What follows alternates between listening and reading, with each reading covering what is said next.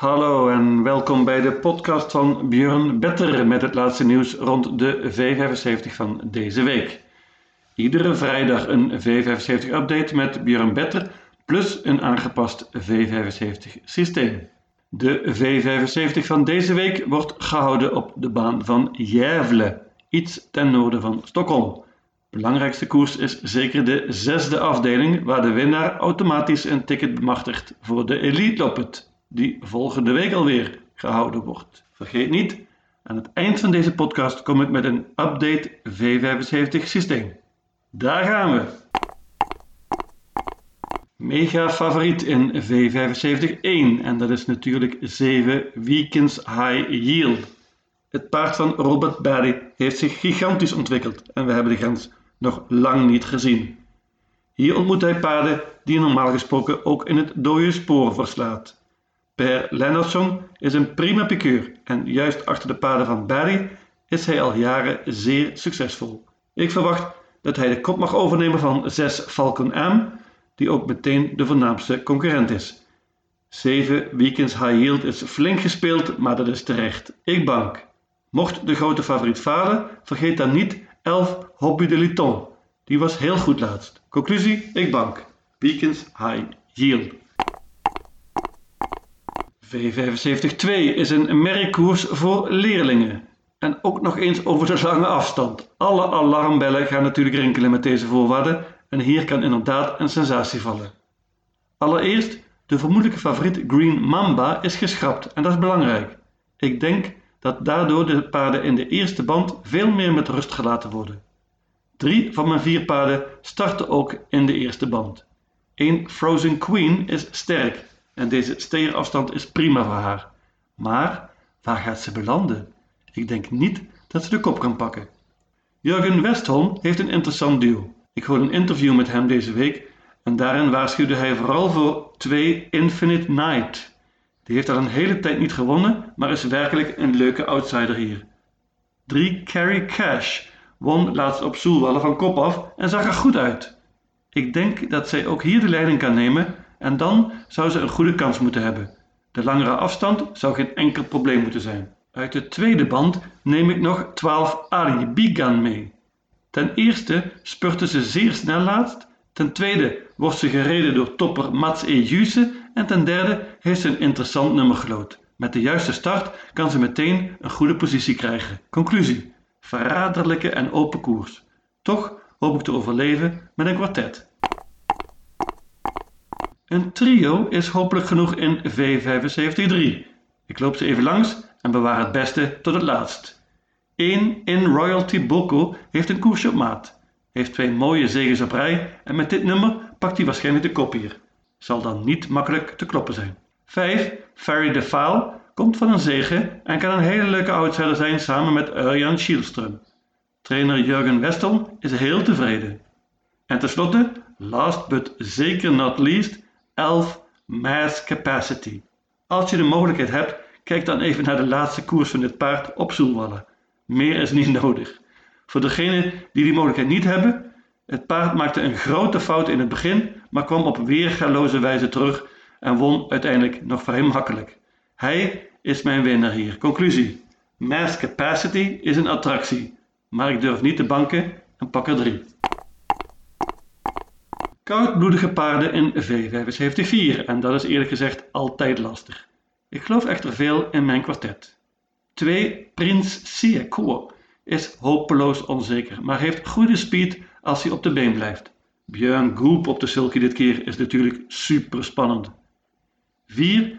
STCC Faxen is een favorietje van Björn Better. Ik bankte hem in de V75 op Danro, maar toen sprong hij. Laatst was hij echter Björns bom en won tegen een code van 9. Ook hij is ver van betrouwbaar, maar als hij niet springt, is hij mijn winnaar hier. 9 Spang Victor was outstanding laatst en met een soortgelijke prestatie is hij zeker ook hier in de mix. Ten slotte waarschuw ik nog voor 12 Purmo. Die wordt dit keer gereden door Ulf Oelson en gaat waarschijnlijk zonder ijzers. Pas op. Conclusie: altijd verraderlijk met koudbloedjes. Als je brutaal bent, bank je STCC faxen. In V75-5 heb ik de hele week veel geloofd in 6 Valley Brother. Dat doe ik eigenlijk nog steeds, maar ik had niet verwacht dat hij zoveel gespeeld zou worden.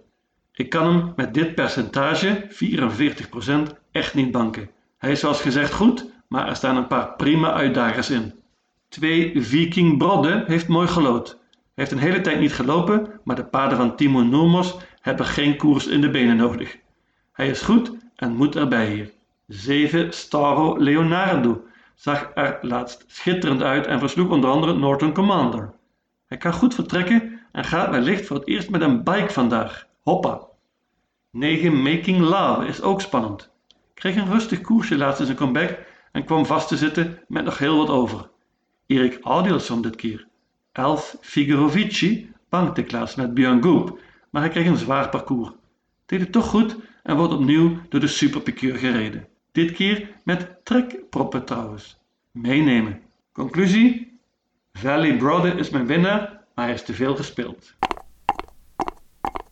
Gouden koers in V75-6 en hier willen 10 hongerige paarden allemaal naar de Elite van volgende week. Ik heb lang overwogen om hier drie paarden te nemen. 1 Konrads Ruidluva is bijvoorbeeld super interessant in haar debuut tegen deze kanonnen. Maar het is niet fair om van haar te eisen dat ze in dit geweld meteen gaat zegevieren. Maar verwacht wel een prima prestatie van haar. En ook 4 Racing Mange is absoluut geen bluff. Hij is snel van start en gaat wellicht met een gesloten hoofdstel dit keer. Mocht hij de kop weten te pakken, is hij zeer gevaarlijk. Maar ik vertrouw op Björn Goop en drie keer is hopelijk scheepsrecht met de topper Billy de Montfort. Nummer 2. Twee keer op rij heeft Björn haar een redelijk voorzichtig koersje gegeven en twee keer op rij heeft ze prima gespurt op het eind. Nu hoop en verwacht ik dat ze vol in de aanval gaan direct van start en dan ook de leiding nemen. Lukt dat, dan zou dit topkans moeten zijn. Neem van mij aan dat Björn gebrand is om haar de elite op het in te rijden. Conclusie? Holy Go, hela wagen Billy de Montfort. V75-7 is een van de vele verraderlijke koersen van deze middag, maar mijn trio is sterk. 5 Expensive is waarschijnlijk het beste paard hier. Hij won makkelijk laatst en opnieuw zit Urjan Schielström op de sulky. Hij kan de kop niet pakken, maar krijgt hopelijk wel een goed koersje met dit nummer. Pas op voor 6 BG Pastor Die won laatst voor het eerst, maar ik denk dat we van hem nog veel gaan horen dit jaar. Hij liep zonder ijzers en was een nieuw paard. Liet enorme speed zien en ook hier kan hij verrassen tegen betere paarden. Heel misschien kan hij zelfs de kop pakken. In dat geval wens ik de rest veel succes. Is veel te weinig gespeeld. 2 Arabesque is snel van start en Ulf Eriksson gaat zeker vol voor de kop. Het paard gaat dit keer voor het eerst zonder achterijzers en dat lijkt me een voordeel. Meenemen. Ten slotte 10 Melby Hurricane is zeker goed genoeg om dit te winnen, maar was zwak laatst en niet fit. Dit nummer is ook wel een nadeel. Conclusie? Ik waarschuw vooral voor BG Pastorjunte. Mijn update V75 systeem ziet er als volgt uit. Afdeling 1 7 Weekends High Yield. Afdeling 2 paarden 1, 2, 3 en 12.